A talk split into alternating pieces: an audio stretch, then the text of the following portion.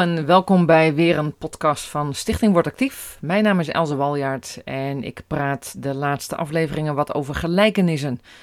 Een manier om met beeldende, eigenlijk verhalen, uh, principes van Gods Koninkrijk duidelijk te maken. Jezus gebruikte heel veel gelijkenissen. Hij gebruikte verhalen die toen bekend waren, die, waar men zich aan uh, ja, kon relateren, waar ze zeiden, ja dat snap ik om daarin zijn principes te verkondigen. En dat is wat ik eigenlijk ook probeer te doen in deze afleveringen. Vandaag lekker eten en de bloementuin.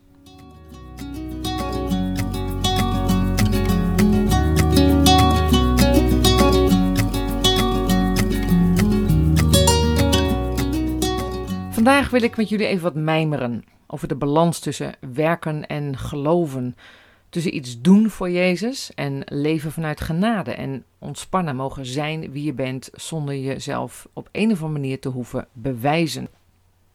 Het leven met Jezus en geloven in Hem is gebaseerd op genade. We kiezen voor Hem, maar hoeven daar niets voor te doen. Geen cursus, geen lijst met goede daden, geen braaf leven, maar het is gebaseerd op Zijn liefde voor ons. Jezus gaf Zijn leven, zodat wij vrij toegang hebben tot de Vader. En indien we besluiten in Hem te geloven en dat te beleiden, dan zijn we gered, zoals dat zo mooi heet. En dat is bijna te goed om waar te zijn. Hoef ik er dan niets voor te doen? vragen mensen wel eens. Nee, het is een kwestie van kiezen en geloven. Tegelijkertijd staan er in de Bijbel heel veel voorbeelden waarin eigenlijk actieve werkwoorden worden gebruikt en gevraagd. Zoals keer u af van het slechte en houd vast aan het goede. Uh, dien de Heer vol enthousiasme en volhard in gebed. Help degenen die in nood zijn. Uh, zegen hen die je vervolgen en doe uw best nederig te zijn. Doe goed aan je medemens. En geef eten aan hen die honger hebben en drink aan hen die dorst hebben. En wees nauwkeurig als het gaat om, om mensen. Oordeel niet. En dan is daar tegelijkertijd weer bijvoorbeeld Johannes 15 waarin staat: Jezus is de wijnstok en wij zijn de ranken. En als we maar verbonden blijven met Hem, zullen we vrucht dragen. Dat is niet keihard werken, dat is dicht bij Jezus blijven. Daarin is weer die ontspanning, de genade. Ik geloof ook juist dat deze genade, dat het zijn liefde voor ons en onze liefde voor Hem is, dat we willen doen wat Hij zegt. Tot zegen van elkaar en tot eer van Hem. En dat betekent dat we soms onszelf ergens toe moeten zetten, mogen zetten om in actie te komen. En dat is oké. De eerste vergelijking als het gaat over eten. Het is een feit dat we moeten eten en drinken om te leven. We kunnen een paar dagen zonder drinken en iets langer zonder voedsel, maar de mens groeit, ontwikkelt, wordt sterker door te eten en te drinken. Een baby die net geboren is, heeft zo snel mogelijk de zuig zuigreflexen nodig om te drinken bij de moeder. Voeding is nodig. Dat betekent iets doen. Als baby dan word je aangelegd en later krijg je met een lepel je eten naar binnen. Maar uiteindelijk is de bedoeling dat we zelf gaan eten. Eigenlijk staan we daar nooit zo bij stil. We eten drie keer per dag of vaker en dat vinden we meestal wel oké. We zorgen ervoor dat het ook wel lekker is wat we eten. Maar we kiezen als het goed is ook voor datgene waarvan we weten dat het gezond is. Althans, dat zou een wijs besluit zijn. Als je alleen maar datgene eet wat je super lekker vindt en niet let op hoe gezond het is, dan kan dat ten nadele van jezelf zijn. Je kan overgewicht krijgen door te vet te eten of hoge bloeddruk door te veel zout te eten. De andere kant bestaat ook mensen die te weinig eten en daardoor te mager zijn, zelfs richting anorexia. Geestelijk gezien is het ook belangrijk dat we eten, dat we onze geest voeden, waardoor deze groeit en ontwikkelt. De Bijbel praat er ook over. Paulus schrijft op een gegeven moment: Hoe kan het dat jullie nog steeds melk verlangen terwijl jullie toe zijn aan wat zwaardere kost? Ik citeer uit Hebreeën 5 vanaf vers 12. Daar staat: Want hoewel u, gelet op de tijd, leraar zou moeten zijn, hebt u weer iemand nodig die u onderwijst in de grondbeginselen van de woorden van God. U bent geworden als mensen die melk nodig hebben en niet vast voedsel. Ieder mens die van melk leeft, is onervaren in het woord van de gerechtigheid, want hij is een kind. Maar voor de volwassenen is er het vaste voedsel. Voor hen die hun zintuigen door het gebruik ervan geoefend hebben om te kunnen onderscheiden tussen goed en kwaad. Einde citaat. Geestelijk zelf eten wil zeggen zelf het woord lezen en met elkaar erover praten, preken luisteren, tijd met Jezus doorbrengen en luisteren naar zijn stem.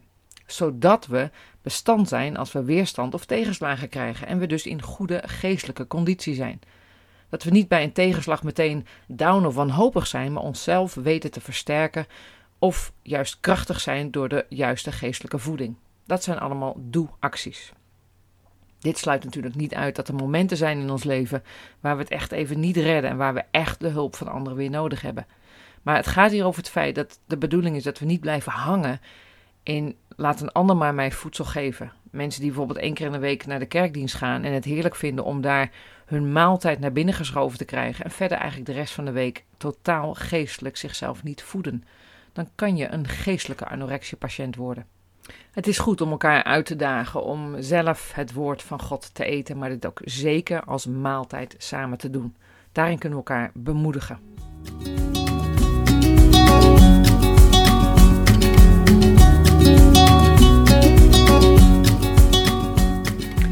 Tweede voorbeeld: het maken van een mooie bloementuin. Dat kost tijd en inzicht en gewoon werken. Wat irritant is in dit voorbeeld is dat onkruid vanzelf groeit. Datgene wat we niet willen, groeit vanzelf. En waar we het mooi willen maken, moeten we ons best voor doen. Paulus heeft het hier over in Romeinen 7, deze innerlijke strijd, waarin hij zegt: Ja, wat ik wel wil doen, dat doe ik dan vervolgens niet. En wat ik niet wil doen, dat doe ik dan wel. Alsof het negatieve vanzelf gaat en je echt heel erg je best moet doen om het positieve voor elkaar te krijgen. Kan dat niet makkelijker? En hij noemt zichzelf op dat moment ik ellendig mens. Maar zijn antwoord om dit op te lossen is Jezus Christus. Paulus vertelt namelijk in hoofdstuk 8 dat er in Jezus geen veroordeling is. Dat wil zeggen dat we misschien fouten zullen maken en er soms consequenties zullen zijn, maar dat er geen veroordeling is. En dat geeft ruimte om actief te zijn zonder bang te zijn dat het misgaat. Tegelijkertijd zien we dat de strijd waar Paulus het dan in Romeinen 7 over heeft, dat we daar ook wel degelijk zelf iets aan kunnen doen. Het is, het is de genade van God, het is de Heilige Geest die ons helpt, maar we kunnen als mens daar ook keuzes in maken om onszelf sterker te maken geestelijk. We kunnen kiezen voor een actieve houding door de oude mens af te leggen en een nieuwe mens aan te trekken. Door onkruid weg te halen en bloemen water te geven. Ik kan mooie kleuren kiezen en de tuin heel mooi maken, maar het vraagt onderhoud. Ik heb met regelmaat jongeren horen zeggen: Elze, waarom moet het allemaal zoveel moeite kosten? Kan God niet gewoon zijn woord tijdens mijn slaap in mijn denken stoppen? Waarom kosten de dingen om te groeien vaak meer moeite dan gewoon toegeven en lui zijn? Hele goede vragen. En herkenbaar in het leven. Ergens moeite voor doen is een principe die we terugzien in de schepping, in het leven. Een kind moet oefenen om te leren lopen. En dat geeft uiteindelijk ruimte in je leven om te gaan waar je wilt, maar dus ook om te gaan waar God wilt. Een bloementuin aanleggen en onderhouden kost tijd en moeite. Maar het is ook genieten en het kan ook plezier geven. En het resultaat maakt blij en bouwt jezelf op en kan ook anderen zegenen. Het zijn prachtige principes van God over groeien en bloeien. Het geeft waarde aan het leven. Het geeft innerlijk geluk. En dat gaat verder dan alleen bezig zijn met jezelf, met wat jij leuk vindt, waar je geen moeite voor hoeft te doen. Het negatieve krijgt makkelijker de overhand. Onkruid groeit vanzelf. Helaas.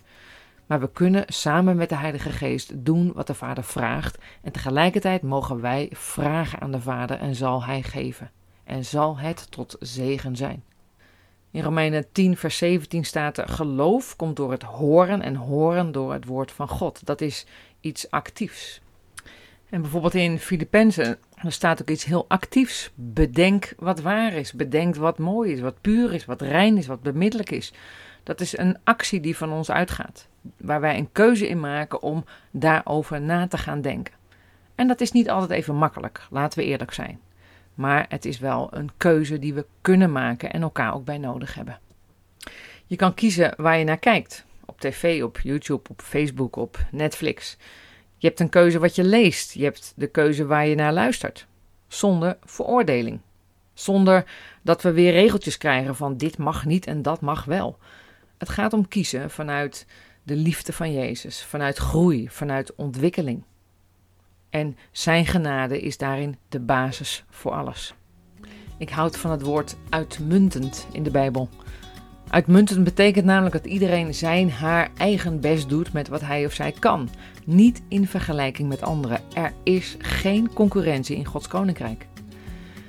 De bedoeling is dus dat wij ieder voor zich ontwikkelen in relatie tot Jezus. Dat we vrucht dragen omdat we geënt zijn op, op Hem. En ook dat we dingen ondernemen en onszelf trainen en oefenen vanuit die liefde en vanuit waar wij toe in staat zijn samen met de Heilige Geest. Meer gaan lijken op Jezus, tijd besteden met Jezus en met zijn woord. En dan zal er groei zijn en zullen we elkaar tot zegen kunnen zijn. Amen.